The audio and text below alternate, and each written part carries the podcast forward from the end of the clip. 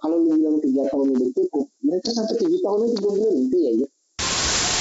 Ya ini yang megang artis-artis Instagram yang masih cabut-cabut wortel anjir.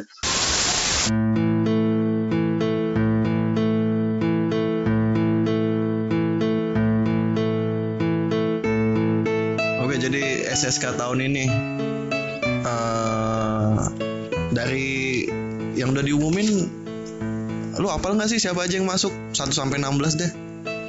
Gue gue ingatnya satu Sani udah itu doang. Sama Mabanora masuk se Maba, Mabanora masuk Senbatsu bangsat. dua jinan anjir apa aja dua jinan tiga Penny empat gue lupa li empat ke bawah gue lupa tiga besar gue inget bentar gue cari di twitter ya udah Oke masalah peringkat eh itulah pokoknya yang nggak penting. Lagian apa sih masih pengumuman pertama kan masih jauh lah. Masih bisa di Iya. di edit edit sama JOT.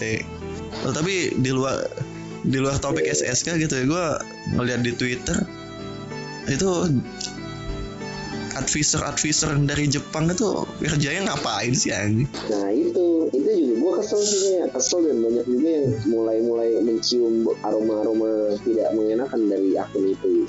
Maksud gue awalnya tuh gue ngehnya ya ini koreksi kalau gue salah ya. Nah, cuman ya setahu gue, ini kan setahu gue itu akun yang kayak ini jika ini mau ada kerjasama sama yang sisternya di Jepang kayak mau bikin project gede mungkin. Nah di situ kayak dia ngirim perwakilan di sini buat ngeliat eh, kualitas JKT-nya gitu kayak buat nilai kualitas gitu. Nah itu awalnya gue ngeliatnya seperti itu gitu kok lama-lama dia menetap kok seneng liatin jadi semua jadi joget kok seneng gitu dia dia punya punya akses yang tidak bisa diakses oleh yang biasa ya, apa konten-konten tabu lah kayak kayak kayak kayak dia bisa dapat foto yang rare ya nge-shoot video lagi joget tanpa kostum. Anjing joget tanpa kostum bugil lah bagaimana maksud? kagak saya pakai baju biasa. Dan di situ kan wata-wata juga mulai-mulai mencium-cium bau nih ini orang tua apa sih kok dia menetap lama sekali gitu kan menetap lama sekali eh, demen demen mengeluarkan konten-konten yang bikin iri gitu kan dia ini sebenarnya ngapain gitu. mulai timbul pertanyaan dia ini Penjelasan ngapain? resmi dari pihak JOT-nya juga nggak ada kan? ya, iya gue juga Ya maksudnya kalau eh, kayak oh kita mau ngadain eh, kerjasama sama yang di Jepang, habis itu dikenalin lah, Itu kan ada gitu. Ada enggak ada pengumuman eh, ininya? Setahu gue sih di dailynya gitu ada pengumuman soal proyeknya. Cuman eh, kayak si orang tua ini loh yang nggak nggak dikasih. Maksudnya ya mungkin orang-orang yang menggilai 48 dunia 48 aja ya mungkin yang paham gitu eh, belum belum tugasnya atau apa. Cuman di mata umum gitu ya ini orang tua ngapain gitu? Selain mungkin yang di mata gue dia ke sini untuk menilai kualitas JKT sebelum proyek ini jalan gitu ya biar imbang gitu biar nggak timpang atau gimana gitu itu itu itu nggak eh, gue ngeliatnya gitu sih eh lama-lama kok dia nyaman betah gitu. Mas namanya masih riset belum habis masa risetnya pak.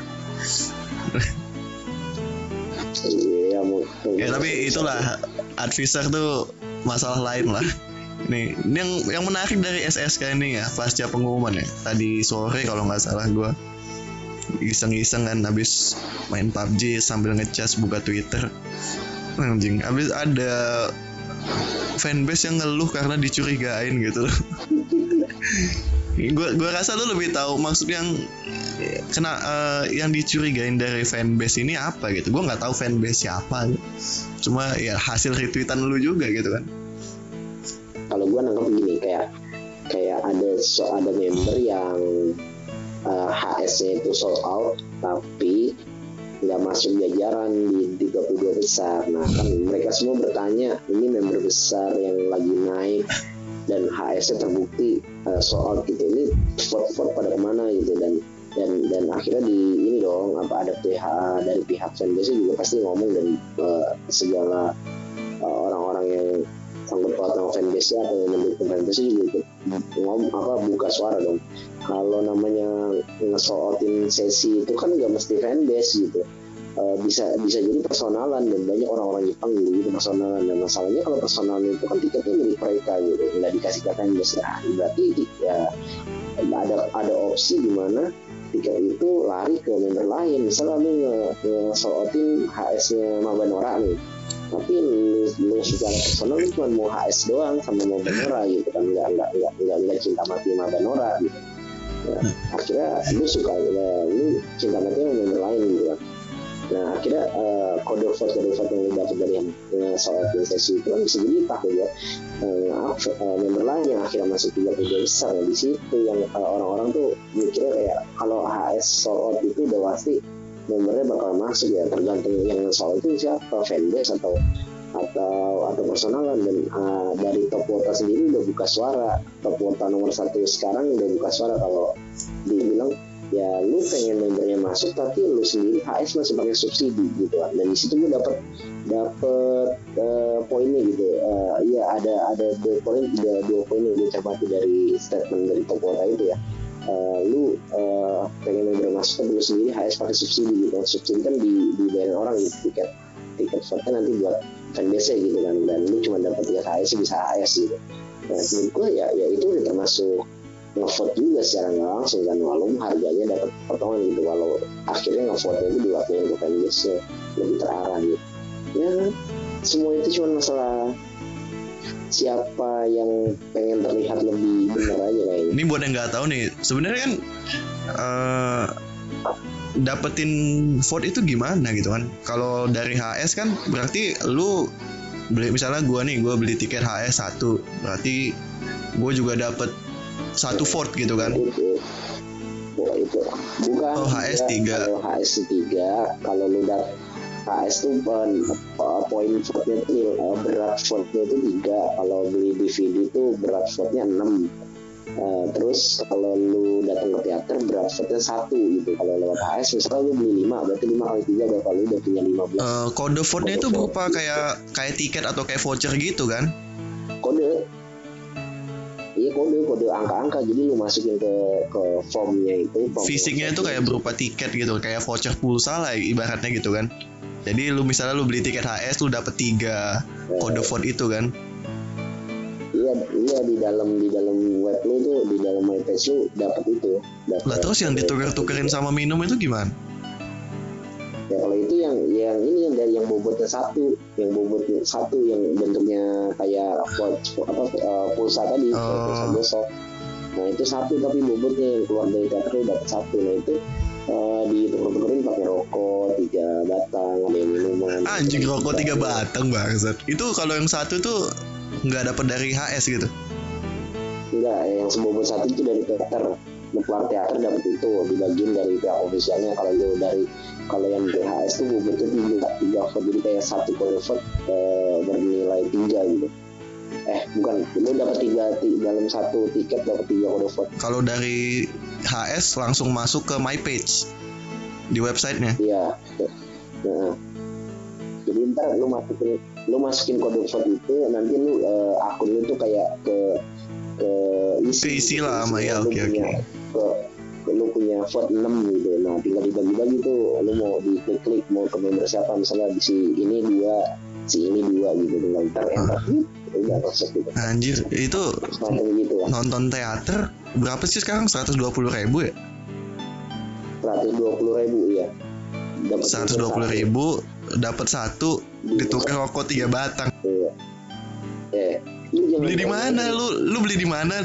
Rokok tiga batang harganya seratus dua puluh ribu anjir ya iya sih dari cuman lu jangan nih tadi tadi ya lu kata anjir kok.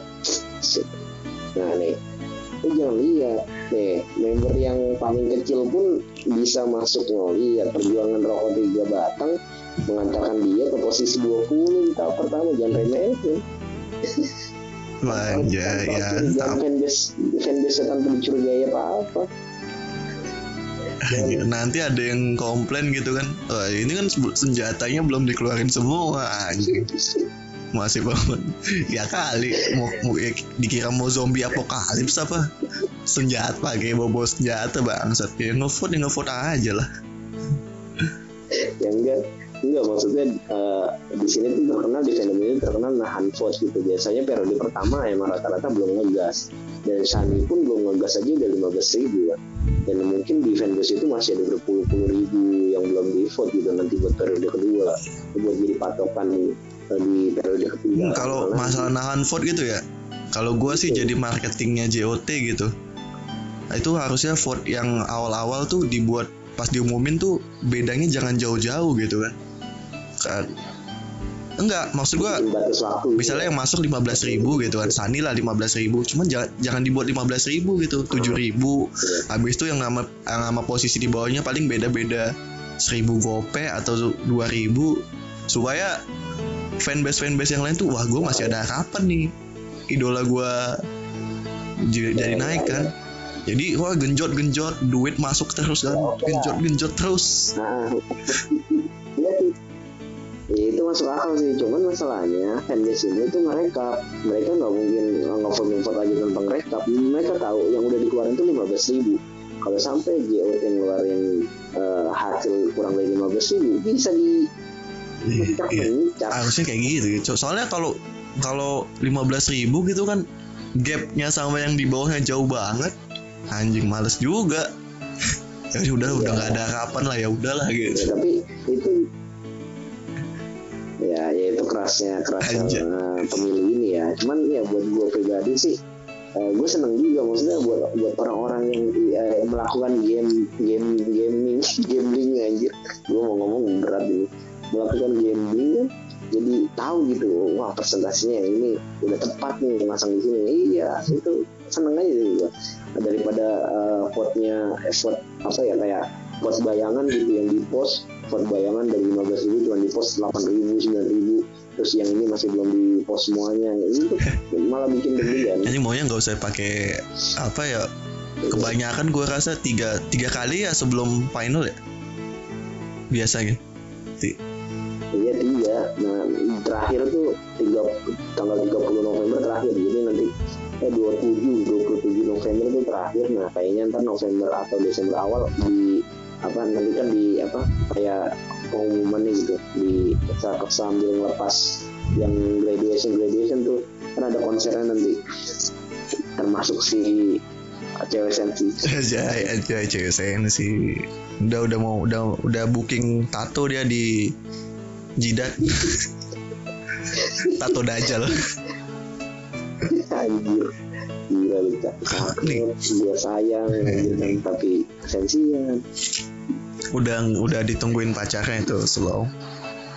Berat habis itu eh, yang lucu lagi nih tadi sore ini ada fanbase yang ngeluh kalau fanbase itu kerjanya berat gitu kan. Mikirin subsidi mikirin biar member makin dikenal. Anjing gua kira ini kan eh, sesuatu yang dilakukan secara sukarela gitu kan lu nggak ada tuntutan untuk mendukung ya lu dukung karena emang pengen gitu. Habis itu ya kenapa ngeluh gitu anjing? Gue kayak ya anjing kenapa sih ini orang-orang gitu gue gua bukannya benci cuma heran gitu kenapa? Gitu. Yang yang enggak sih kalau kalau menurut gua ya ya, ya, ya, ah, cukup masuk gitu kalau kalau dibilang berat. Ya emang sih ya, secara sukarela cuman mungkin ah, menilai aspek berat itu ya mereka keluar uang banyak mereka keluar waktu ba- ah, banyak gitu. Mereka bahkan mungkin nge-cancel nge-cancel kegiatan mereka yang penting atau atau ah, waktu yang harusnya dihabiskan bersama teman keluarga atau ya itu ya buat yang punya teman yang punya teman ya mungkin temennya emang emang di FX doang gitu temennya mungkin ya. Eh, nggak tahu di luar punya teman apa enggak cuman ya mereka mendedikasikan eh, hidupnya untuk ngapus idolanya agar menjadi yang terbaik dan lebih baik gitu setiap harinya gitu. Ya menurut gue dibilang berat ya masuk sih kalau menurut gue karena ngurus ya ya sam, gimana ya eh, fanbase gitu. Hitungan fanbase tuh mereka udah megang duit besar. Contoh fanbase Yuki lagi tuh untuk keluar miliaran kan? Ya lu seo- seseorang ya mungkin yang megang itu emang orang udah kerja udah punya gaji besar juga udah punya pangkat yang yang mungkin lumayan di, di kantor atau perusahaannya cuman untuk memegang duit rakyat gitu kan duit masyarakat sampai miliaran-miliaran bahkan ada yang uh, duit dari luar negeri gitu kan dari Thailand mungkin ada yang invest ke mereka itu itu menurut gua tanggung jawab yang besar gitu nah dan bisa di uh, bisa dimasukkan uh, sebagai uh, digambarkan dengan ya emang ngurus fanbase itu berat gitu. ya bener juga gitu. Iya, kalau gua gitu iya berat lah kalau nggak ada duit masuknya emang berat pak. Cuman kan gue malesnya kalau ngelihat kayak ketik ya udah tahu berat gitu kan. Habis itu tiba-tiba ada yang nyenggol gitu kan. Ada yang nyenggol. Gue rata-rata tuh wota kalau argumennya udah kalah dia berlindung di balik namanya juga hobi, namanya juga seneng-seneng gitu kan. Gue anjir kenapa nggak ada wota-wota yang pemikirannya kayak Rocky Gerung habis itu Fahri Hamzah. Gue gue seneng tuh meskipun dibenci orang cuman argumennya make sense gue suka tuh orang-orang kayak gitu gitu. Dibanding cuma ya, ya namanya juga hobi. Kalau menurut lu gitu harusnya gimana? Misalnya kayak kayak udah patah nih argumennya udah patah udah kalah lah. Terus mereka berlindung di balik hobi gitu ya kata-kata hobi gitu nah emang tuh harusnya gimana? Kalau seorang Rocky Gerung atau Fahri Hamzah Hmm. mengeluarkan argumen Iya. apa gitu? Untuk kalau lu udah kalah argumen ya terima aja gitu loh. Nggak apa-apa lu kalah dalam berargumen gitu. Cuma ya jangan di jangan berlindung di balik sesuatu yang klise gitu ya. Ya iya namanya juga hobi. Semua orang tahu hobi. Siapa sih yang jadikan ngidol mata pencarian utama? Kan nggak ada gitu kan ya ada dong ada dong pasti ada dong yang yang mereka yang jual-jual karyanya atau ya dapat di jual-jual. Iya nggak hidup dari situ kan pak? Maksudnya mata Ya, iya. mata pencarian utama gitu. Iya, iya. wah di KTP ditulis aku jual merchandise aku jual foto pack. Kan nggak ada gitu kan? Dulu itu enggak sih. Ya kalau udah lah udah dibilang hobi ya mau gimana lagi gitu kan jadi nggak seru. Bukannya salah cuma nggak seru aja. Jadi nggak ya, Nggak- nggak gua asik juga gitu. sedikit kesel gitu. Nah lu lu orang jauh nih. Kalau gua kan paling nggak gini. Gua gua mungkin nggak tetap nggak banyak kenal nama. Cuman dari segi nama mereka di fandom tuh banyak tuh nama-nama besar yang bersinar. Ya ini eh, dalam konteks kuotanya ya. Nama-nama mereka yang bersinar nama-nama besar mereka gua juga ngelihat sosoknya langsung di tempat juga ya ya sering gitu ngeliat mereka oh orangnya ini ini ini. dan gua gua ngeliat tuh kayak mereka tuh ada ada potensi eh, ada kapasitas buat berantem lebih jauh gitu tapi mereka tidak pernah berantem gitu. Gue kesel aja. Nah, lu kan kesel kalau kayak gitu kan? Cuman diajak ngopi kagak ada baku hantamnya ngapain coba Iya, masa masa ya enggak mungkin gak se ekstrim baku hantam cuman kayak kayak kayak lu tau kayak kayak misal wah lu udah nyenggol gue Twitter wah tiba-tiba fanbase ini ketemu perwakilan ini wah, uh, udah deh entah mereka mau adu baca di kafe gitu sampai 9 jam ya. Cuman paling nggak ada ada bentuk nyatanya gitu. Dan itu tidak terjadi gitu. Ini kata gue gue kesel gitu. Mereka udah mencak-mencak di Twitter mereka udah ngebawa se- segala temennya akhirnya ngedukung kan. Ekspektasi gitu udah naik. Wah ini besar. Berantem berantem nah ternyata akhirnya ya mungkin balik lagi ntar akhir-akhirnya ya kenapa endingnya gini? Sekali aku kecewa aku cinta damai tiba-tiba pas ketemu gitu kan. Aku tidak suka kekerasan. Nggak minimal ya misalnya udah bentrok gitu ada forum debat kayak dibuat sendiri habis itu kan jadi konten gitu kan. Mana tahu Ya, ada iya, eh wota-wota kan kreatif gitu kan. Banyak waktu luang kreatif gitu kan. Bikin apa? Masa cuman foto-foto doang artikel-artikel doang. Bikin kayak kayak acara gitu kan forum debat circle yang ini eh, punya pendapat A habis itu ada circle yang yang lain pendapat B. Disatuin di satu forum gitu kan berdebat.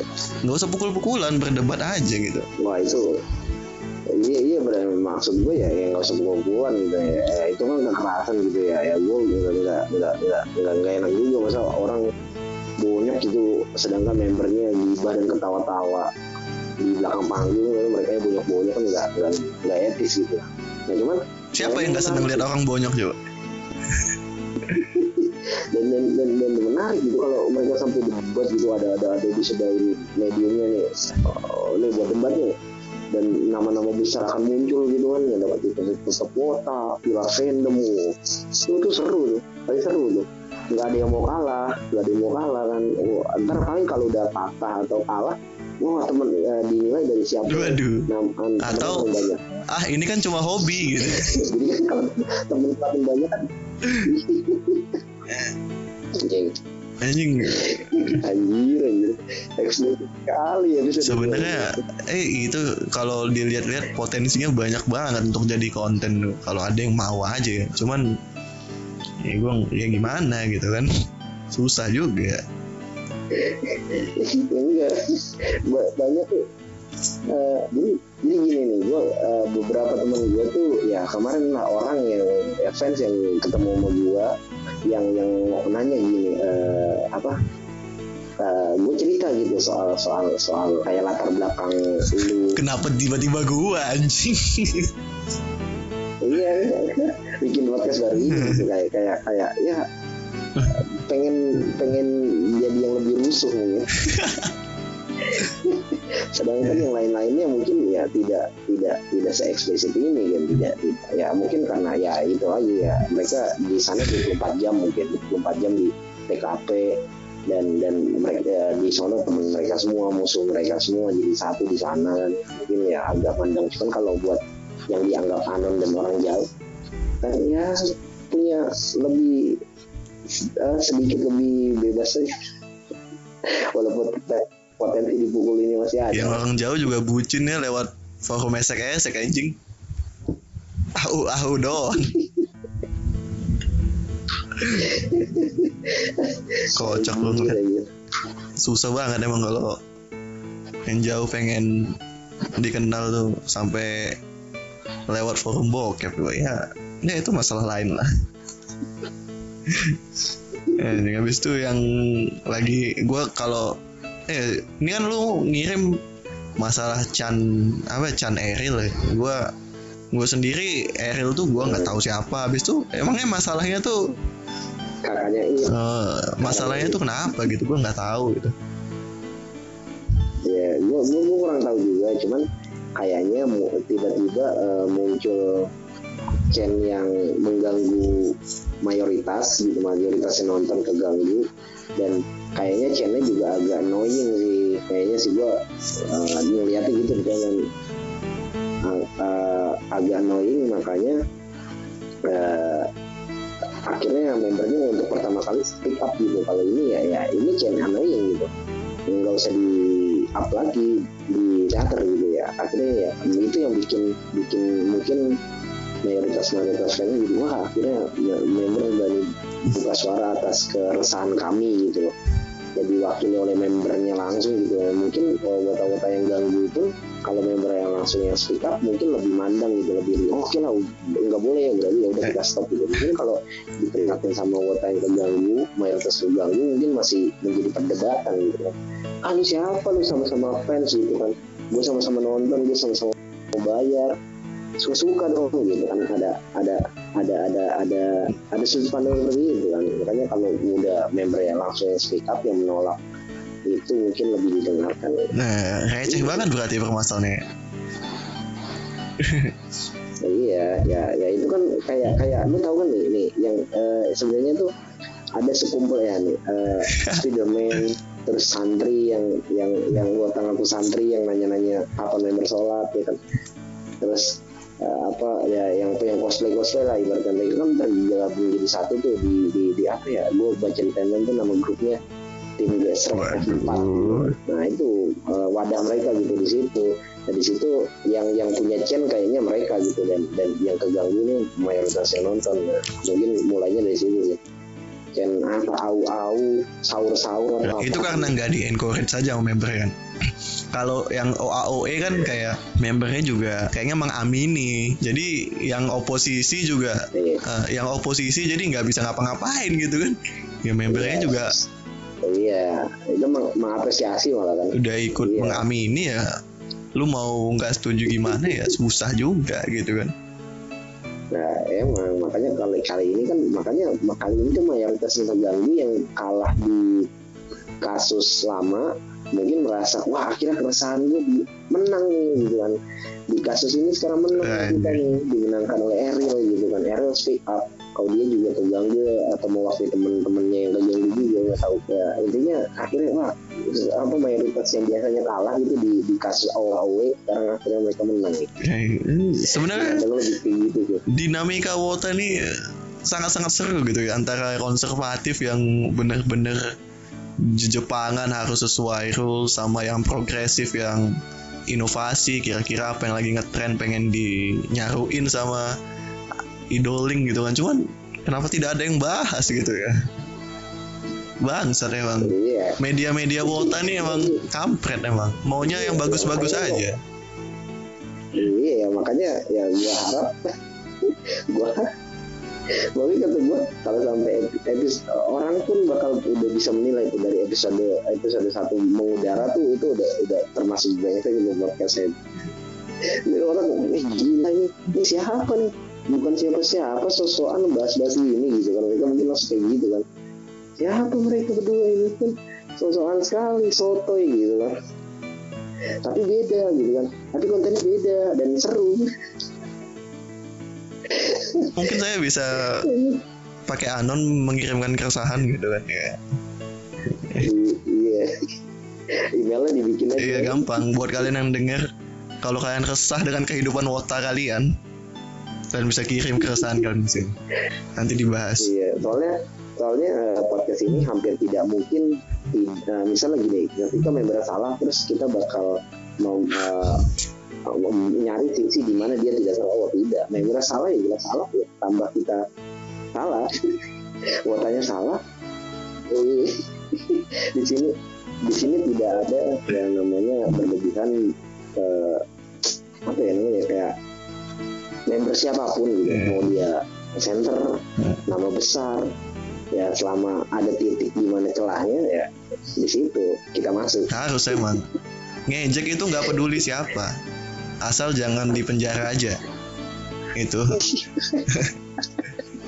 Nah itu pasal pasal menghina presiden aja kalau kita ngekritik kita nggak bisa masuk penjara. Soalnya yang kita serang itu kinerjanya apa yang dia lakukan bukan pribadinya gitu kan. Ini jangan Iya, takut jelas. jangan takut. Ribus bubarkan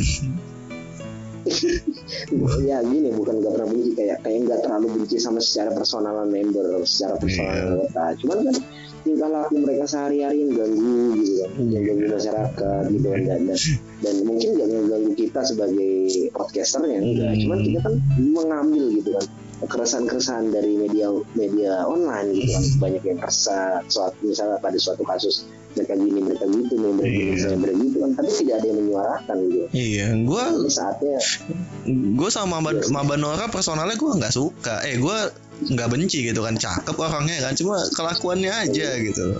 Kenapa mesti gitu gitu parah lu di di di, di DM sama bundanya Anjir, gue juga punya backingan, lo jangan salah. Gue juga kenal sama ibunya member. Meskipun jauh, Oke, gua, meskipun jauh, gue kenal. Gue temenan di Facebook. Iya, iya, jangan sampai foto itu melayang ya. Jangan. Biar aja mereka yang merasa jadi sepupu pamer. Gue diem-diem aja nih.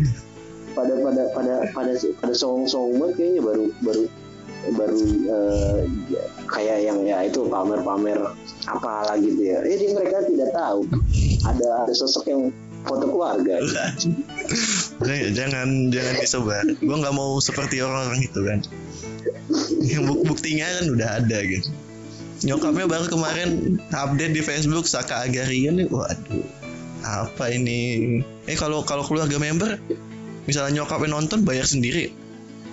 Enggak, setahu gue enggak sih. Setahu gue enggak. Di mereka kan udah disediain kursi gitu dikosongin yang betulnya kayaknya sih. Seingat gue, gue, lupa juga. Setahu gue enggak. Orang mereka boleh ngajak kerabat kok. Kerabat yang bahkan misalnya wota nih, lu kerabat temen atau apa lu nyelip gitu di mereka ayo di, diajak ikut gitu atau pengen minta ikut lu masuk rombongan keluarga mereka ya ya enak gitu saya ya lu wota gitu tapi tidak ngaku gitu tapi ya bisa nonton show gratis gitu Anjay. ya, ya orang yang diem-diem aja atau ngaku tidak wota belum tentu tidak wota gitu. Kecuali gua ya, gua mah jelas. Bukan orang awam kan, wota berarti. Orang member aja graduate pacarannya sama wota anjing. Nah, nikahnya emang kata lu yang nikah kemarin itu yang yang itu yang setelahnya eh, setelahnya GM emang kata lu suaminya bukan wota Ya, itu makanya gitu. Nikah aja sampai wota jadi nggak jodohnya nggak jauh-jauh dari situ. Tapi berarti itu dia iya. menariknya gitu. Saya jadi wota mana tahu dapat istri member gitu. Nah iya. Eh, potensi itu selalu ada. Eh, ya ya mungkin mereka hidupnya dipakai gaming buat memenangkan hal itu ya walaupun persentasenya kecil gitu. Ya wow ada 0,00001 persen keberhasilanku menikah ini yang lucu lagi nih Pak yang tadi di sore kalau nggak salah di Twitter yang nge-screenshot DM DM sama member gue kira anjing oh itu itu goblok itu anjir. Itu gak jelas itu. Ini ini kan satu dari banyak kasus gitu kan. Kayak ada lah yang ngaku sepupunya gitu kan. Cuman sepupu kok nyembah nyembah banget gitu kan. Habis itu ada yang bilang japri japrian ini kan satu dari banyak hal gitu kan. Ini dan gue rasa kayak apa sih yang motivasinya atau triggernya orang-orang tuh sampai kayak gini gitu loh anjing gue rasa nge DM jangan dikasih tahu ya atau dia tuh kayak mohon-mohon orang supaya minta dia ngasih tahu member yang DM DM sama dia tuh siapa. Padahal jujur gue pertama kali ngeliat gitu kan anjing. Oh ya udahlah kalau emang DM DM kenapa gitu kan? Terlepas dari asli atau palsu ya. Ya meskipun palsunya kelihatan banget gitu. Ya udah lu mau DM DM sama member ya udah gitu kan terus karena udah nggak ada yang respon tiba-tiba dia dia nge-tweet ini kasih tahu nggak ya membernya siapa? Anjing nggak ada yang harapin lu tuh ngasih tahu membernya siapa bangsat. Gitu kenapa lu pengen banget diminta supaya ngasih tahu tuh member siapa coba ya lagi nih nih di, eh, di- ngesel, eh, ngeselinnya nanti nih setelah misalnya dia ngasih tahu nih member siapa terus dapat retweet banyak like banyak wotanya murka eh, dia dimarahin entah diapain gitu di, dimarahin wota gitu kan kalau udah ngebully bareng-bareng ya. Terus terus ujung-ujungnya dia yang nonaktif akun ini yang ngedelet akun juga Hmm, kocak banget. Itu yang gua yang lebih lucunya adalah ada orang-orang yang ke trigger gitu sama itu. Suara lu putus Iya kejauhan tadi sambil nyender. Nggak yang lebih lucu itu Ada yang ke trigger gitu sama Hal konyol kayak gitu coba. Yang nggak mungkin itu spontanitas aja ya ya atau orang-orang kayak lu sama gua gitu yang yang yang kelihatan mungkin dilihat orang kayak wah mereka uh, trigger gitu serius padahal mah ya Iya bukan gitu. ya. Kalau yang yang dalam Wota-wota selebnya bisa di Bisa kerasa lah satirnya sarkasnya. Cuman kan ada yang kroco-kroconya ini gitu Yang Sama yang kroco-kroco ya biasanya kroco-kroco yang niat banget gitu kayaknya. Maksud gua sakit hatinya paling depan. lu kalau ngelihat ada akun followersnya tuh lebih banyak daripada eh followersnya tuh lebih dikit daripada followingnya membuat suatu keributan dan lu ke trigger sama orang itu. Itu yang goblok kan lu berarti. Gimana sih? Maksudnya ada sosok yang tidak kredibel mencoba untuk melakukan sesuatu yang mungkin aja emang nggak masuk akal gitu kan. Udah jelas bohong dan lu ke trigger sama orang itu kan. Akalnya gimana iya pada iya padahal tuh ya kalau yang bisa di, eh, yang, yang yang udah jelas jelas bisa diminta pertanggungjawaban kayak video tadi kan kayak videonya jelas nah itu ntar itu itu kita bahas buat penutup itu, itu. panjang nih soalnya panjang. Panjang mantap mantap. Itu nggak aneh banget sih. Nah aneh baru kita masuk ke menu utamanya kan setelah eh, main course eh setelah appetizer tadi. Nih permasalahan Grecian ya anjing. Ya sebut nama aja lah nggak apa-apa lah. Mungkin ada yang di luar sana nggak berani sebut nama. Biar gua yang nyebut sih Ya, Oke, video pertama, yang- Grecian gitu loh. Iya. Abis itu gua bawa uh, ngelihat video di mana ada yang bilang kalau Grecian itu kan cuman gimmick gitu kan. Iya. Digimikin lah mulai dari ya lah dibentuk gimmick uh, best friend selalu ke mana-mana berdua sampai dibikinin channel YouTube gitu kan. Anjing jangan deres bangsa loh sampai dibikinin uh, channel YouTube. Habis itu ah, macam-macam lah. Pokoknya di mana-mana Gracia Sani di mana-mana Gracia Sani gitu. Sampai akhirnya uh, malam ini ya iya. Muncul ya? Muncul. Sebuah video yang menambahkan kaki orang tidak dikenal yang membuat publik publik kota menjadi ramai gitu ya. Uh, sebenarnya kenapa foto kaki eh uh, instastory kaki ini bisa menjadi ramai gitu? Ya, ya kalau gua uh, mungkin dua ya poin yang gue dapat tuh dua pertama uh, ketika itu video itu biasa aja tapi ada yang ngeliat opininya dan itu uh, akun besar gitu misalnya gini sama akun besar. Kecurigaan yang muncul dari akun besar tuh selalu jadi dasar nama mereka yang krocok-krocok kan. Pun bahkan yang akun-akun besar lainnya ikut bisa jadi ikut-ikut uh, kegiring topnya juga. Yang kedua dan itu uh, ya memang, memang terjadi beneran uh, dalam tanda kutip terindikasi skandal beneran gitu itu dua dua poin yang gue tangkap. Dan uh, gimana ya? Maksudnya itu uh, dan masa gini yang yang jadi yang, yang timbul kecurigaan publik itu di mana latar belakang migrasi dan sana itu bukan tipikal orang yang suka hapus-hapus tweet pertama.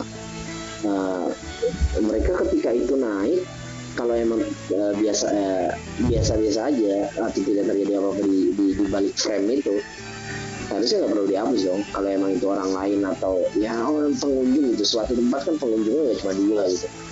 Banyak gitu mungkin ada yang barengan naik ke tangga atas lebih dulu daripada mereka gitu.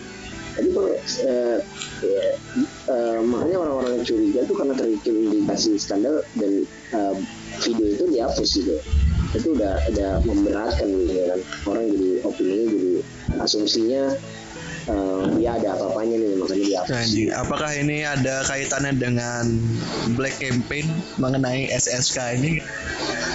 ya pertama gini gue pengen nanya dulu kalau Black Campaign itu konteksnya segini kalau di pemilu biasa ya misalnya di pemilu biasa Black Campaign Black campaign itu kalau nggak sesuatu yang jelek tapi fakta? Enggak itu namanya negatif campaign. Black campaign beda dong negatif campaign ya berarti kalau misalnya ini kan nih pertama gini di sini udah ada udah ada memenuhi memenuhi uh, syarat-syarat kayak konten dihapus uh, dan ya, ada kekhawatiran dari terdakwa gitu kan. Yang terduganya ada kekhawatiran. Tersangka dong bukan terdakwa. Yang bikin orang-orang langsung uh, ya kan belum jadi iya kan maksud gua ya tersangka dulu dong. Tersangka baru kalau udah juga. ketahuan dia yang melakukan baru terdakwa iya dong. Oh itu kebalik ya? Oh, uh, waduh gua menonton Conan 700 episode anjir masih kembali ya pokoknya tadi tersangka uh. masih masih disangka. Ya dan ditambah kontennya dihapus jadi makin meningkatin asumsi publik jadi macam-macam gitu kan. Uh, nah sedangkan ini kan berarti kan kalau di persentase 50-50 ini udah condong ke kiri gitu kan ibaratnya kayak 60% kalau ini beneran gitu dan ini negatif. Harusnya nggak bisa disebut sebagai black campaign dong. Kenapa? Kita selalu pakai pembenaran wah ini black campaign gitu buat, buat meredam apa-apa yang yang me, apa me, menguap gitu eh mengungkap kejelekan kadernya gitu kan. Kadernya yang di up gitu mereka diredam gitu kan. Ya kenapa kalau gue ini buat ya emang sih udah udah terlalu mainstream gitu ya. Udah basi lah ibaratnya. Cuman menarik gitu kan. Kalau emang fakta kalau emang mereka melakukan kesalahan ya kenapa nggak di ini? Walaupun nanti kemungkinan besar ditindak juga kecil karena mereka nama-nama besar ya. Itu sih. Gue kenapa harus berlindung uh, di balik kata Black Campaign gitu. Kalau ini kalau kalau nanti akhirnya fakta gitu. Selalu kayak gitu sih itu. Lagian Black Campaign-nya juga menurut gua nggak efektif ya. Semisal itu beneran Black Campaign. Pertama targetnya Iya benar uh, uh, mereka fans fans mereka pasti udah jelas lah nggak ya gue tetap support tulus ya ada ya ada ada gue tetap vote habis itu yang awam juga nggak peduli mereka mereka nggak peduli dengan instastory misalnya mereka baru suka gitu kan mungkin mereka belum follow akun sosial medianya mereka mungkin nggak ngerti kalau apa definisi skandal dalam uh, JKT48 ya. Kalau mereka suka ya udah mereka vote aja untuk yang awam gitu kan. Gue nggak tahu misalnya ini memang black campaign tuh targetnya siapa gitu. Apakah ada orang yang tiba-tiba uh, ketika melihat video ini tidak menjadi tidak jadi ngevote gitu kan Nah, pasti ada dong. Itu itu udah terbukti di, di banyak kasus dan lama-lama dan salah satunya itu kasusnya Sania tahun lalu kan dia bisa kelempar dari dan itu menyenangkan hati gua kan. Akhirnya dia kelempar dari jajaran atas ke bawah karena banyak mosi tidak percaya. Akhirnya wota tidak percaya gitu. Kalau kemarin kan mosi tidak percaya gitu. Ini wota tidak percaya. aneh juga sih sebenarnya. Nah sebenarnya ini kan uh, baru nggak emang gak efektif karena ketika contoh gini lima uh, Shani dengan lima belas ribu udah double dia uh, dengan peringkat keduanya ribuan puluhan ribu pot ya lu Shani mau uh, di black campaign kayak apa pun di fanbase juga megang apa change buat menang gitu? Golden ticketnya udah di tangan mereka. Ya apa gitu? Ya mungkin nanti efek sampingnya mungkin setelah SSK gitu kan. Nah mungkin masih tidak percaya kesaninya mungkin nanti jadi besar gitu. Banyak yang masih hand gitu. Kelar SSK udah grade dia pak. Udah tahu ah sepertinya saya tidak bisa meraup uang lagi gitu. Ya udah grade saja. Itu banyak yang bahas tuh teman-teman gue juga banyak yang ngomong gitu katanya ada ada ada ada ada potensi kalau Shani itu nanti kan uh, kayaknya ya ya sotoy sotoy lah taruhlah sotoy. Cuman sotoynya gue gue gue tertarik gitu sama sotoy sotoyan ini gitu. Uh, katanya Shani itu emang mungkin nanti setelah pokoknya setelah SSK ini bakal ya gitu salah satu yang mengundurkan diri juga. Emang udah saatnya dia keluar itu sih gue tertarik gue sama kemarin pas AF udah yang ya, kasihan Gracia cuy. Masa UG coba. Ya kayaknya popularitas popularitas mereka berdua ini apa ya nggak nggak seimbang gitu ya. Kelihatan banget kayak Gracia yang manjat Shani gitu. Ya, ya enggak sih kak. Gue gue gue agak rumit sih buat ngomongnya cuman kelihatan seperti itu cuman gue nggak yakin mutlak soalnya biasanya juga nama besar. Cuman kalau udah masalah SSI ini kan ya lu gimana menang ya dengan voting gitu kan. Apakah uh, fanbase nya atau ada yang bilang masih nahan vote gitu kan. Uh, banyak yang bilang masih nahan vote nahan vote. Cuman yang menurut gue nggak etis lah. Lu nahan vote terus sampai jatuhnya jauh banget gitu. Jelek ke bawah banget. Ya kalau emang nahan vote ya masukin 16 besar dengan gue mikirnya dengan dia kelempar segitu jauh kalau pakai pemenang nahan vote tuh enggak. Mungkin eh, emang nyatanya emang gak punya vote aja gitu. Maksudnya vote dikit gitu. Vote masih sedikit masih sedikit ya. Bukan dikit tapi masih sedikit untuk tahap pertama kemarin. Shani itu lebih ramah orang awam dibandingkan Graciel dilihat bisa dilihat dari job-job di luar JKT iya, gitu iya. kan kayak kemarin ada foto aku dan kain itu gue nggak ngerti itu kenapa kan yang dipakai Shani habis itu uh, beberapa job iya. di luar JKT kayaknya duet ini nggak nggak apa ya nggak nggak berjalan sesuai rencana mungkin ya. Yeah ya lagi ba balik lagi sih tadi ke ke statement awal lu itu yang soal gimmick ya. Ya emang pertamanya kan ya di awal game 3 ini kan Sunny sama Gracie juga kan gak deket. Maksudnya Gracie tuh punya king sendiri lagi gitu. Setelah game udah pada keluar kan mulai dibikin gimmick Grayson kan. Maksudnya mulai dia mulai mendekat ke Sunny atau mereka berdua jadi dekat gitu kan ya baik lagi sih ya itu sih enggak ini sih. Apa maksud gua? Se um, entah itu besaran uh, sinarnya Sani ketimbang Gracia itu nggak jadi masalah buat gue cuman yang jadi concern gue tuh uh, kenapa mereka uh, ketika ketika gini dua dua dua dua yang uh, dua hal yang ber, uh, dua hal yang lagi kontras banget. Yang satunya lagi naik banget satunya di tabel itu eh, di, kemarin di pas dipasang lagi terpuruk gitu di, di tingkat bawah. Aduh, mereka kayak jalan. Kayak lu tau gak yang meme meme orang naik sepeda? Oh iya tahu tahu. Yang orang naik sepeda terus dia ngasih kayu ke ban depannya sendiri. Nah itu kayak gitu. Gue tuh ngeliat Grayson yang malam ini tuh setelah videonya apa kata gue mereka tuh kayak ya apa sih mungkin kesalahan ya mungkin tandingnya ini fakta bener terindikasi skandal cuman mereka tuh dengan kebul, uh, dengan kesalahan mereka mungkin salah ganti akun belum ganti akun main main uh, nyebar story story aja gitu kan. Nah itu kayak orang naik sepeda gitu yang naruh rantingnya ke depan ke depan sepeda depan itu jatuh sendiri terus sakitan sendiri. Tapi uh, kalau dilihat dari videonya gitu kan ini gue tiba-tiba ngebayangin gimana ini seandainya aja gitu kan. Gimana kalau Gracia itu kan uh, sakit hati misalnya kan habis itu dia mencoba untuk menjatuhkan tandemnya ini. Karena kalau kita lihat dari video itu uh, shoot pertama kan uh, shoot kaki habis itu iya. balik balik ke mukanya Gracia dan di situ Shani nggak sadar kalau si Gracia itu lagi instastory dan tetap udah selesai videonya ya bisa aja ini ada apa ya permusuhan ada musuh dalam selimut gitu kan ini kan berandai-andai aja gitu ya emang apa belakangan emang lagi musuhan dia berdua kan katanya musuhan katanya gitu ya paling musuhannya gimmick juga ya, ya cuman ya bisinya bisinya banyak potensi dari video yang cuman frame itu nggak bisa jelas menjelaskan apa yang terjadi di sana cuman uh, tendensinya bisa dilihat gitu bisa di raba lah kira-kira itu video apa gitu ininya soalnya hal itu uh, ada keenggak sukaan kayak gitu memungkinkan banget karena gue ngelihat uh, filmnya BNK 48 dokumenter yang gue lupa apa judulnya dan mereka tuh kayak di interview gitu kan tentang gimana rasanya jadi idol. Ternyata konflik-konflik antar member itu sampai sedalam itu gitu loh apa iya, iya. apalagi videonya itu uh, ketika BNK tuh mau send Barsu untuk pertama kali jadi ada yang bilang kalau uh, saling diskriminasi menjatuhkan supaya bisa dapat spot di 16 besar spot di Senbatsu itu nyata gitu loh dan anjing kalau kayak gini selama ini di Indonesia yang adem ayam aja mungkin cuman iya kita tidak tahu gitu kan Iya, iya.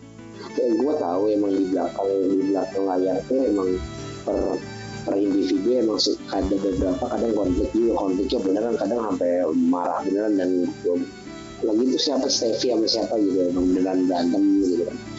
Ya cuman kalau misalnya sampai gue belum tahu sih kalau sampai bener-bener per, per personalan gitu pengen jatuh personal yang lain gitu. Gue gue belum mikirnya nggak nyampe situ cuman kalau ribut-ribut itu emang sering sih terjadi di antar individu gitu ke individu lain yang suka nggak ini suka cekcok atau gimana berantem sampai berlarut-larut sering ada yang marahan atau gimana ya namanya kampung. Udah gitu mau ngerekrut akademi baru lagi?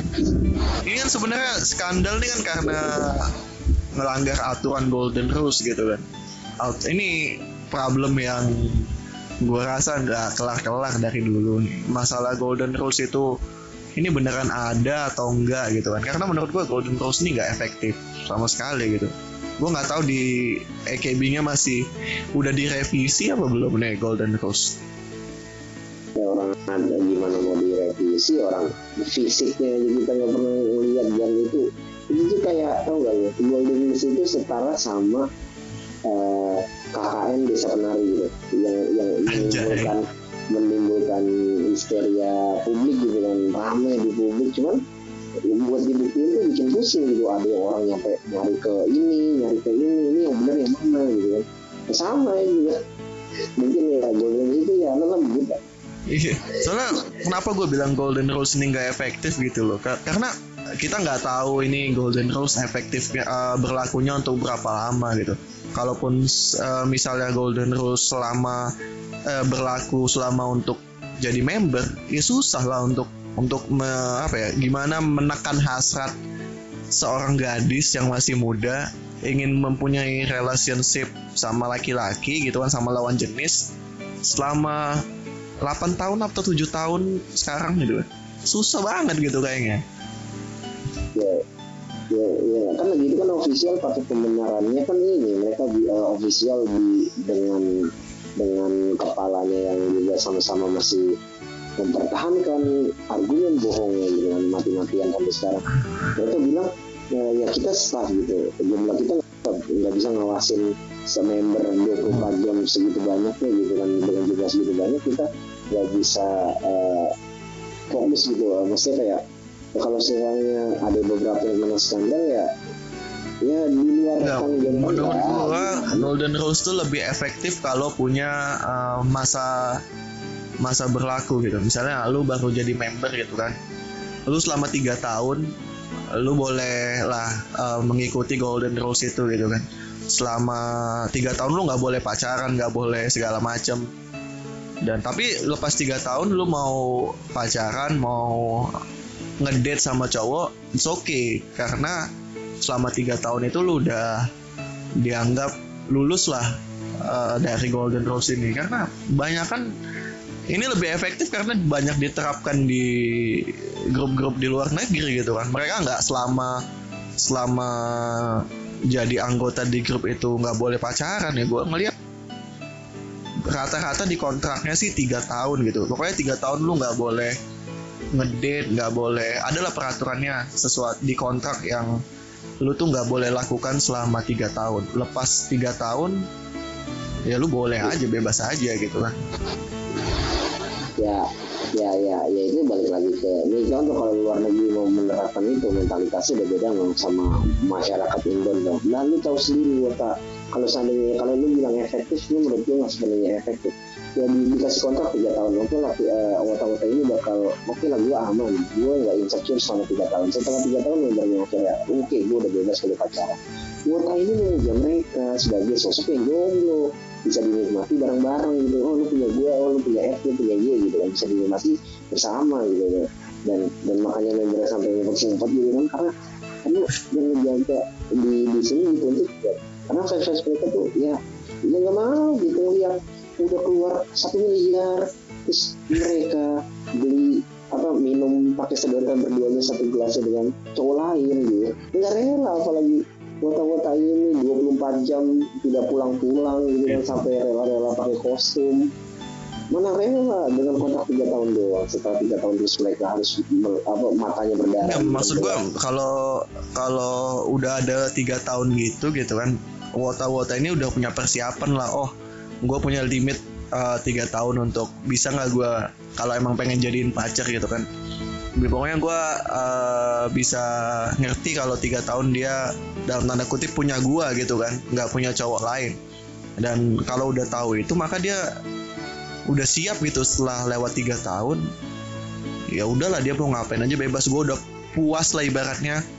Dalam tanda kutip tumbuh berkembang bersama lu selama tiga tahun. Ya mungkin lu pengen cari dukungan orang lain di luar fandom ini ya terserah gitu kan.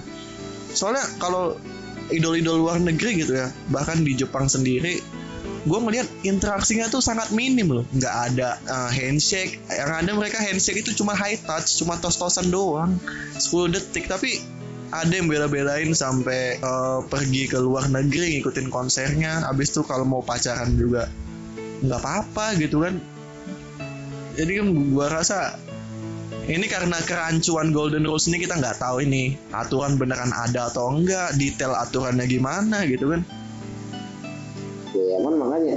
Makanya tapi kalau menurut gue sih tetap ada ada ruang di mana ini nggak jadi uh, ini bisa jadi nggak sepenuhnya efektif. Balik lagi gue tuh gue tuh selama selama 8 tahun ini tuh tahu gitu ya. Ya oke lah udah pada dewasa dan kemungkinan tadi yang lu bilang mereka akan siap mereka akan punya dasar kalau oh, oke okay, udah tiga tahun oke okay, berarti ini saatnya mereka udah boleh gitu dan gue harus terima gitu. Tapi masalahnya mayoritas yang kayak gitu gitu. Mereka kalau lu bilang tiga tahun udah cukup mereka sampai tujuh tahun itu belum berhenti ya gitu. Dan osinya keluar nyari osi baru mereka ya gimana buat nampung? Gue juga ada ada gini ada ada ada sudut pandang di mana emang member ini tempat mereka menaruh semuanya gitu di situ. Gue ngeliat buat Indo tuh kayak gitu. Member adalah tempat mereka naruh semuanya. Makanya ketika lu bilang tadi dibatasi lagi tiga tahun kontrak terus mereka yang dituntut untuk sadar gitu. Kalau setelah tiga tahun si membernya udah ya putus kontrak oke okay, gue udah bebas gitu. Sedangkan ngomongnya ini tuh udah naruh segalanya ke membernya gitu. Kayaknya kayaknya aturan-aturan kontrak yang dibatasin masa berlakunya boleh pacaran atau enggak jadi kasih waktu gitu kayaknya nggak bisa ada ruang di mana itu nggak bisa jadi nggak sepenuhnya. Efektif sih kalau ngelihat ya wota-wota di sini gitu. Gue nggak tahu gue tuh ngerasa emang mereka udah ngas lu tempat gue Iya. ngasih jalannya gitu. Lu harus jadi sosok yang sesempurna mungkin. Ya minimal minimal gak boleh cacat di bagian itu aja standar gitu Iya, ya enggak kalau kalau soal yang yang member setelah keluar terus masih ya kalau menurut sih ya ya it's okay lah. Misalnya ketika cintanya si Wata ini belum masih masih kuat gitu masih ingin mendukung walaupun di luar JKT karena berarti dia cintanya itu personalannya bukan kita JKT-nya gitu status JKT-nya tapi cinta ke personalannya dianggap asli dan masih hidupnya ya itu oke uh, bikin nge lagi dan masih kumpul-kumpul seneng. Gue pun melihat Veranda masih eksis sampai sekarang ya seneng gitu kan ya, masalahnya ya ya ya, ya it's okay gitu gue nggak nggak mandang buruk terlepas setelah keluar jadi member masih di masih butuh apan fansnya yang lama gitu Ini lagian gue rasa cinta JKT itu nggak ada emang dari awal. Emang karena orang-orang suka sama individunya aja gitu. Kalau JKT kenapa-kenapa mereka juga kayak mereka keselnya bukan karena JKT-nya kenapa-kenapa, cuman karena kebetulan orang yang disuka atau member yang disuka itu berada di bawah bendera JKT-nya. I- iya tuh orang JKT sendirinya pun sering bikin kesel. Fansnya kayak tadi tiket. Orang udah booking tiket gitu kan ubah tanggal. Kayak kayak yang kerja di sana tuh kayak ya wajar sih. Gue gue gue tuh se- semenjak official dipegang sama bonekanya itu gue nggak yakin dia yang cuma dikasih titel doang itu di ini ini menurut menurut gue sendiri sih eh, opini gue pribadi sih Anjing, Iya sih. tapi kok bisa kayak gitu ya bisa dirubah tanggalnya. Maksud gue em, kalau emang belum fix gitu kan, lu nggak usah announce dulu gitu eh, tanggal tanggal untuk konser ya konser apa apa sih sirkus ya kalau nggak salah. ya sirkus Anjing lu kalau misalnya emang belum bener-bener fix ngapain juga diumumin tanggalnya coba. ya makanya kan kata, kata gua kan kayak bocil semua yang kerja di sono tuh maksudnya eh, kayak kayak ya, orang kerja profesional udah pernah kerja gua tahu gimana kerja pro gitu. Ya eh, lu kerja gitu se, se sebenar mungkin gitu. Nggak mungkin dong logikanya kayak orang-orang dewasa kerja tiba-tiba belum fix suatu acara dan seandainya udah fix pun mau ada perubahan apa apa tiba-tiba nggak ngasih tahu dan dadakan ketika masanya udah pada uh, beli tiket mau ke sana gitu kan. Itu kan selalu mengecewakan gitu dan dan duit gitu Ini Tapi juga eh, kalau orang, kalau gitu. di sisi lain ya gue melihatnya Gitu. Eh, sebenarnya mereka nggak salah juga. Karena kalau konsepnya sirkus ini kan ini kan ditujukan buat fans far kalau dalam kasus ini eh, di Makassar ya di Makassar ini kan sirkusnya itu ditujukan untuk orang-orang atau fans-fans yang berada di Makassar. Otomatis orang Makassar nggak ada masalah dong. Toh tiket bisa di refund habis itu tanggal 20 atau tanggal 19 kan ya bisa di refund lah. Pokoknya misalnya tanggal 20 orang Makassar yang nggak bisa seenggaknya bisa refund. Kan yang jadi yang komplain ini kan mereka-mereka yang di Jakarta atau yang udah sering nonton pengen nonton gitu kan. Yang udah pesen tiket pesawat dan segala macam jadi mau disalahin juga nggak bisa juga. Karena konsep awalnya kan sirkus ini kan untuk mendatangi fans far gitu kan. Mereka yang nggak pernah nonton gitu. Masuk sih cuman eh, ya emang udah udah udah jadi sejarahnya di sirkus selalu mereka mereka yang sudah terpuaskan di ibu kota tiap hari gitu dengan performance mereka dengan ketemu mereka masih pengen ngejar gitu ke sana gitu. Itu udah udah udah sering terjadi gitu. Ya emang sih nggak nggak bisa dibilang nggak sebenarnya salah karena konsep awalnya emang ya emang ditujukan untuk eh, fans yang di luar sana. Ya cuman kan dengan di sini ada ada maksudnya gini kalau ini terjadi untuk pertama kali misalnya kayak ini loh uh, kita mau bikin sirkus. Di sirkus pertama maksud gue ketika di sirkus pertama kan official belum ada gambaran yang datang.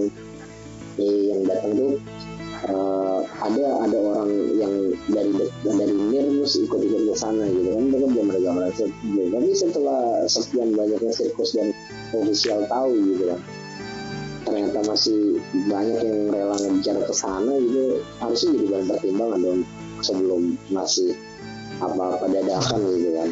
Kalau ada orang-orang yang beli gitu. Uh, ya orang-orang yang mungkin imba-imbanya gitu. Biasanya sih gua kalau mulai di ya imba-imbanya sih yang rela-rela kejar ke sana. Kalau yang uh, rocong-rocongnya ya mungkin dari dana juga nggak ada dan dan masih mikir gitu besok sekolah. Ya, emang kalau dari segi profesionalitas emang nggak profesional gitu uh, penyelenggaraan eventnya kalau ada kejadian-kejadian kayak gini. Cuma ya ya tergantung siapa yang kena aja sih kalau ini kan. Yang membuat ini jadi masalah gitu. kondisional lah orang-orang yang kena ya nggak semua gitu. Jadi ya apalagi yang mau diharapkan coba dari 8 tahun yang nggak ada sesuatu yang luar biasa gitu kan. Gue masih menikmati menikmati keramaiannya gitu pikirnya gitu kan. Selalu jadi JKT ini selalu jadi menurut gue di Indonesia itu cukup berpengaruh gitu. Apalagi di media online gitu. Mereka bisa jadi trendsetter mereka bisa bisa selalu ya rame gitu. Bahkan hashtag hashtagnya hashtag hashtag per member aja bisa nyampe PPI gitu kan. Berpengaruh Indonesia besar gitu. Eh dengan potensi yang kayak gitu cuman tidak bisa dioptimalkan ya sayang banget sebenarnya. Gue rasa harus harus rekrutmen orang-orang baru gitu. Pertama ini ini ini ini ini ini pendapat gue sih. Pertama lu harus ganti kalau kalau ini ini pendapat gue harus ada sosok kayak Jirosan yang al, al, almarhum Jirosan dulu gitu yang bener-bener udah terbukti kerja kerasnya sampai ya akhirnya ya itu uh, kasusnya dia itu udah mencerminkan kalau sebetapa kerasnya dia bekerja gitu kan betapa kerasnya dia membangun JKT gitu. sedangkan si si si artis Instagram yang sekarang dipasang kalau gue ngeliatnya udah kayak boneka atau nggak kayak kayak ada orang yang sebenarnya official officialnya di belakang kerja dia cuma dipasang tuh dua orang ini yang sosok ya, yang jadi kepala apalah akademi yang satunya menjabat sebagai ketua paling atas gitu general gitu kan. Mereka cuman dua orang ini sebenarnya harus diganti dengan orang-orang profesional gitu mungkin dari yang dari Jepang gitu kan. Agak baru tuh gue percaya tuh mau bikin ribus mau bikin rebus sing singkong lah apa. Gue yakin bisa naik lagi tuh ada potensi. Chance-nya tuh lebih besar ketimbang mbak ya ini yang megang artis-artis Instagram yang masih cabut-cabut wortel anjir. Yang masih nerima-nerima nerima-nerima apa hmm. uh, endorse gitu kan. Ya enggak. Ya uh, iya lah cuman menikmati puli-puli gaji saja gitu kan. Tidak ada maksimalisasi ya gitu. GM-nya ya, sarjana pertanian gitu. Ya enggak gue ya oke okay lah itu juga termasuk gitu. Udah udah bohongnya juga jago gitu kan gue tuh kalau mungkin kalau kalau yang dijadiin GM-nya terus nyari GM Pro gitu kan wah dari Jepang kita narik dari Jepang atau dari Thailand yang udah kebukti lagi naik nih dari Thailand misalnya GM terus kepala akademi ganti. Pokoknya pakai orang pro lah ibaratnya walaupun harus ngeluarin kos gaji yang lebih mahal mungkin ya. Eh, ya cuman di situ gue ngeliat lebih lebih optimis lah buat uh, maju gitu. Udah 10 tahun masih bisa bersinar kembali bersinar lagi. Tapi kalau masih makin dua artis Instagram ini nah udahlah. Kamu stuck di situ-situ saja dan jadi ketua ya kurang open kurang open minded aja sih menurut gua. Dengan eh gimmick apa JKT gue kesel tuh member dikasih channel satu-satu nggak tahu buat apaan gitu. yang janjinya upload tiap minggu gitu. Padahal kalau lu kalau lu optimalin JKT TV lu bisa update tiap hari gitu loh misalnya Grace iya. hari Kamis habis itu Mabanora hari Jumat gitu kan. Ya cuman kan nah, kemarin kan terjadi dibikinin channel sendiri gitu gara-gara kebanyakan senangnya nonton Gresian gitu. Jumlah viewersnya mungkin jumlah like-nya juga timpang gitu kan antara konten lain yang ini member siapa sih? gitu. Tidak menarik gitu kan. Aku mau nonton Ewing SD saja makanya Grand Grayson nonton gitu Grand yang bukan Grayson mereka nontonnya Korigor gitu Anjay. ya, ya gimana Padahal bagus, padahal itu konten-konten member yang lain bagus juga menurut gue. Yang cerita horor lah. Iya, iya. Iya, ya gue tertarik sih kalau yang horor. Terus kalau kalau Mabanora tuh gue, dari sejak awal tidak terlalu walau gue tuh gue gue suka anime gue gue suka manga gitu gue suka Jepangan cuman gue nggak nggak serak sama kontennya Mabanora sejak awal ya soalnya yang ngebawain ya dari segi membuatnya gue lebih seneng ini uh, ke, uh, ada channel lain gitu yang yang ngebawain acara semacam gitu tapi dengan admin yang lebih kelihatan wibunya gitu. Kalau ini wibu-wibu yang ya oke lah gue tahu dia dia jago bahasa Jepang dia benar suka Jepang gitu. Cuman ketika udah di jadi video gitu gue ngeliat sosok dia palsu gitu di mata gitu palsu nih wibu palsu nih dia. Tapi gue tahu skill aslinya tuh bahkan dia baca manga One Piece dulu gue pernah diledekin temen gue nih si Mabanora baca One Piece aja belinya langsung dari Jepang bahasa Jepang gitu kan dia bisa baca asli uh, komik Jepangnya gitu kan. Ya kata gue nggak penting juga mau lu bisa baca. Ya gue, gue suka One Piece ya oke okay, gue suka One Piece mau versi Inggris Indonesia Jepang nggak masalah gitu. Makanya gue kurang kurang relate gitu sama akun eh sama cek ini channelnya Mama Nora Anjir Mama Nora anjir. Makan makan sushi dikira cuma dia bisa makan sushi. Anjing gue tuh mulai ke triggernya sama Nora tuh. Gue gue awalnya tuh gak nggak ngeh gitu kenapa dia Nora gitu. Bukan kenapa maksudnya senora itu di awal gue kok lama-lama gue ketika gue kok nggak ada perasaan orang kalau jadi maba ya oke okay lah hype nya tuh pas ospek masih kayaknya dia perlu setelah ospek pun masih kayak gitu itu bangga sekali jadi maba gitu. ya mahasiswa saja mahasiswa pada stres gitu jadi mahasiswa gitu kan normalnya itu dia bangga sekali jadi maba gitu sampai masuk-masuk ke toilet cowok anjir. Bikin konten di kulit cowok anjir. Di, di, di, di tempat kencingnya ya Allah kata gue anjir kata gue sih anjir noraknya ya kan pengen apa gitu kelihatan. Wah gue bisa juga nih jadi cowok ganteng cewek ganteng gue nih. Cewek ganteng di di body shaming nangis bangsat yang made made juga gue tuh gue orang-orang kenapa hype banget sih sama dia nyuruh orang lain untuk jadi made dia. Kata gue apa sih ya lu ibu nggak gini ibu tuh NET, PLT, KWN, ibu tuh free tapi nggak gitu itu beli itu itu nggak masuk ranah ibu gue ya, maksud gue kalau jadi minta gitu. jadi match cuman kagak mau modalin gitu kan. Mainnya disuruh modal sendiri kan bangsat kan. Ya minimal lu beliin kostumnya kayak apa sih? Anjing anjir anjir. Waduh siap-siap di DM bundanya kagak takut gua. Ayo bunda. Datanglah kepada saya bunda. Aku cinta bunda jadi bundanya cakep lagi. Kalau nggak bisa jadiin pacar jadiin anak tiri lah ya. Anjir gue aduh udah satu jam. Ah, nggak sempet lagi baca bacain face. Gue males banget ngeditnya itu udah udah face kita sim kita simpen aja buat uh, next episode lah nanti gue tunggu ada empat episode baru dibikin akunnya lah biar stok sebulan tuh kan pas seminggu seminggu update Anjir.